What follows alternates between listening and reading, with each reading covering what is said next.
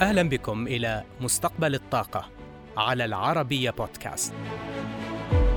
نسعى في هذا البرنامج إلى المساهمة في الحوار الدائر حول عملية التحول في مجال الطاقة عالميا نحو مستقبل خال من الانبعاثات يضمن أمن المناخ وأمن الطاقة.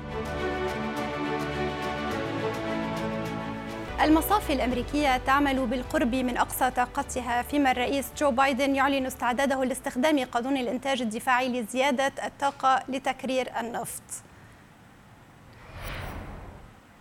المصافي تعمل بالقرب من أقصى طاقاتها في أمريكا وأوروبا فيما أسعار المنتجات البترولية تسجل هوامش ربحية غير مسبوقة. ما يؤشر إلى أن مشكلة أسواق النفط ليست في الإنتاج فقط بل في التكرير الذي أحجمت الدول المتقدمة عن الاستثمار فيه لعقود طويلة. وتفاقمت المشكلة بفعل الحرب الروسية الأوكرانية وقرار الاتحاد الأوروبي وقف استيراد المنتجات البترولية الروسية خلال ستة أشهر. في الولايات المتحدة تجاوز معدل تشغيل المصافي في مايو 93% بزيادة 4% عما كان عليه قبل سنة. فيما وصل معدل ما تكرره المصافي الأمريكية إلى 16.6 مليون برميل من الخام يوميا. أما في أوروبا فوصل معدل تشغيل المصافي إلى 81% ليصل معدل ما تكرره من النفط الخام إلى 9.6 مليون برميل يوميا. وفي آسيا وصل معدل التشغيل إلى 88% بمعدل تكرير يومي يتجاوز 25.5 مليون برميل يوميا. هوامش أرباح المصافي الأمريكية واصلت الارتفاع في مايو لتتجاوز 41 دولارا فوق سعر الخام الأمريكي WTI بزيادة 27 دولارا عما كان عليه قبل سنة وذلك بفضل الطلب القوي على البنزين مع دخول موسم قيادة السيارات ذروته أما في أوروبا فقد قفز هامش ربح المصافي إلى 53 دولارا للبرميل بزيادة 24 دولارا عما كان عليه قبل سنة. وفيما ترتفع الشكوى في الولايات المتحدة من ارتفاع أسعار البنزين ويتحول الأمر إلى مادة سياسية ضاغطة على إدارة الرئيس جو بايدن قبل انتخابات التجديد النصفي للكونغرس في نوفمبر المقبل يبقى الاهتمام في عناوين الأخبار منصبا على أسعار الخام. ويغيب الحديث عن القفزات الكبيرة للهوامش التي تجنيها المصافي في أمريكا وأوروبا. هذه القفزات تعود إلى عقود من الاستثمار المحدود في زيادة الطاقات التكريرية لأسباب عدة، لعل أهمها التوجهات البيئية في ظل الجهود العالمية لخفض انبعاثات الكربون. وأدت عقود من هذه السياسات في أوروبا خصوصا إلى تحول مركز الثقل في سوق المنتجات البترولية من الأسواق المتقدمة إلى الأسواق الناشئة. ففي الصين مثلا يشهد قطاع التكرير توسعات مضطردة إذ من المتوقع أن ترتفع طاقة المصافي إلى 18.8 مليون برميل يوميا هذا العام لتتجاوز للمرة الأولى الولايات المتحدة وتصبح الدولة الأولى في العالم من حيث طاقة التكرير.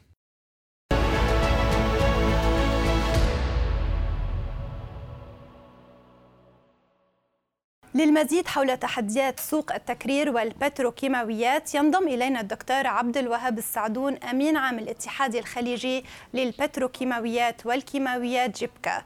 دكتور السعدون أهلا وسهلا بك إلى البرنامج. آه، لنبدأ اولا آه، مع ما يحدث في سوق المنتجات البترولية. يعني روسيا تعد ثاني أكبر مصدر للمنتجات البترولية المكررة في العالم بعد الولايات المتحدة بمعدل مليونين وثمانمائة ألف برميل يوميا العام الماضي. وكانت أوروبا المستورد الأكبر لهذه المنتجات. اليوم كيف تتأثر سوق المنتجات البترولية بالحظر الأوروبي على المنتجات البترولية الروسيه الرئاسية بنهاية العام الحالي. بداية شكرا لكم على الاستضافة وإذا سمحتي لي ممكن نعطي المشاهد الكريم نبذة عن آه، آه، الواردات آه، أوروبا من الغاز والبترول. الغاز في 2021 أوروبا استهلكت 464 بليون متر مكعب. 36% من هذا الغاز كان مصدره روسيا. البترول معروف إنه روسيا لاعب رئيسي في صناعة البترول. تنتج تقريبا 10.5 مليون برميل يوميا. حصة أوروبا من الخام أربعة تقريبا 4 مليون هذه ما بين مشتقات نفطية وما بين بترول خام يتم تكريره في أوروبا في في كل كل كل سنة. طبعا المهم في موضوع الأحداث اللي حصلت أو الحرب الأوكرانية الروسية اللي اندلعت شرارتها في فبراير 2022 حصل قفزة في أسعار الغاز واسعار البترول، الغاز على سبيل المثال قياسا بأسعاره في الربع الرابع والثالث من 2021 نسبة الارتفاع بلغت 365% البترول إلى حد ما أقل رغم إنه معد يعني أسعار البترول فوق ال 115 وهذه تشكل تقريبا يعني 53% ارتفاع عن مستويات الربع الثالث في 2021 الأمر الآخر أيضا اللي مرتبط في هذه الارتفاعات في الأسعار هو ارتفاع أسعار الفحم. ارتفع بنسبة 365% قياسا بالربع الثالث في 2021 نعم. هذه الارتفاعات طبعا أثرت أو انسحبت على صناعة الكيماويات وتأثيرها كان يعني ملموس في في في أوروبا تحديدا. لو طرقنا إلى أثر الحرب هذه يعني يمكن واحد يتطرق إلى الأثر على مديين، مدى قصير اللي هو طبعا مثل ما قلنا ارتفاع الأسعار بسبب ارتفاع مدخلات الإنتاج اللي هي اللقائم. الأمر الثاني الارتفاع الكبير اللي حصل في أسعار منظومة الإمداد السبلاي تشين بسبب الحظر وبسبب مناطق القتال اللي هي في البحر الأسود. وحصل يعني ربكة disruption حصل في في ال supply chain. نعم. بنفس الفترة أيضا كان في إغلاق شنغهاي بسبب الكورونا هذه ضاعفت من مشكلة منظومة الإمداد على مستوى العالم حصل قفزة في طبعا السفن المحملة بال بال بال بالحاويات الكيماويه نعم. في في شنغهاي كانت تنتظر لأكثر من شهر أو 45 يوم هذا ضاعف من أسعار الحاويات وحصل ندرة أيضا في الحاويات أسعار نعم. الحاويات ارتفعت من منطقة الخليج من 2000 دولار قبل الأزمة قبل الكورونا إلى تقريبا 10000 دولار في الوقت الحاضر. نعم دكتور. إلى أي حد يمكن لصناعة البتروكيماويات الخليجية أن تلعب دورا في تلبية الطلب العالمي؟ صناعة البتروكيماويات مثل ما هو معروف صناعة أقيمت تبنت استراتيجية التصنيع للتصدير بحكم أن السوق المحلي سوق محدود في حجمه. أغلب زبائننا خارج يعني نصدر تقريبا 80% من إجمالي الإنتاج إلى الأسواق العالمية. أكبر الزبائن هم هم في آسيا 55% تقريبا حصتهم من إجمالي الصادرات الخليجية. الهند بالمرتبة الثانية 17% أوروبا تشكل تقريبا 6 إلى 7% من حجم الصادرات الخليجية. الصناعه الخليجية عندها أطول سلسلة إمداد ورغم ذلك الصناعة اكتسبت عالية في تسليم المنتجات إلى الزبائن في الأسواق الرئيسية في الوقت المحدد ورغم ارتفاع الكلفة. اليوم لو نظرنا إلى إلى إلى روسيا على سبيل المثال وكم تنتج من الكيماويات. روسيا ما هي بلاعب كبير في في سوق أو إنتاج الكيماويات. حصتها من الكيماويات السلعية تتراوح ما بين 1 إلى 3% الكيماويات السلعية والكيماويات السلعية هي الأثيلين بوليأثيلين البروبولين ومشتقاتهم الحصة الأكبر من من الإنتاج العالمي لروسيا هي في الأسمدة.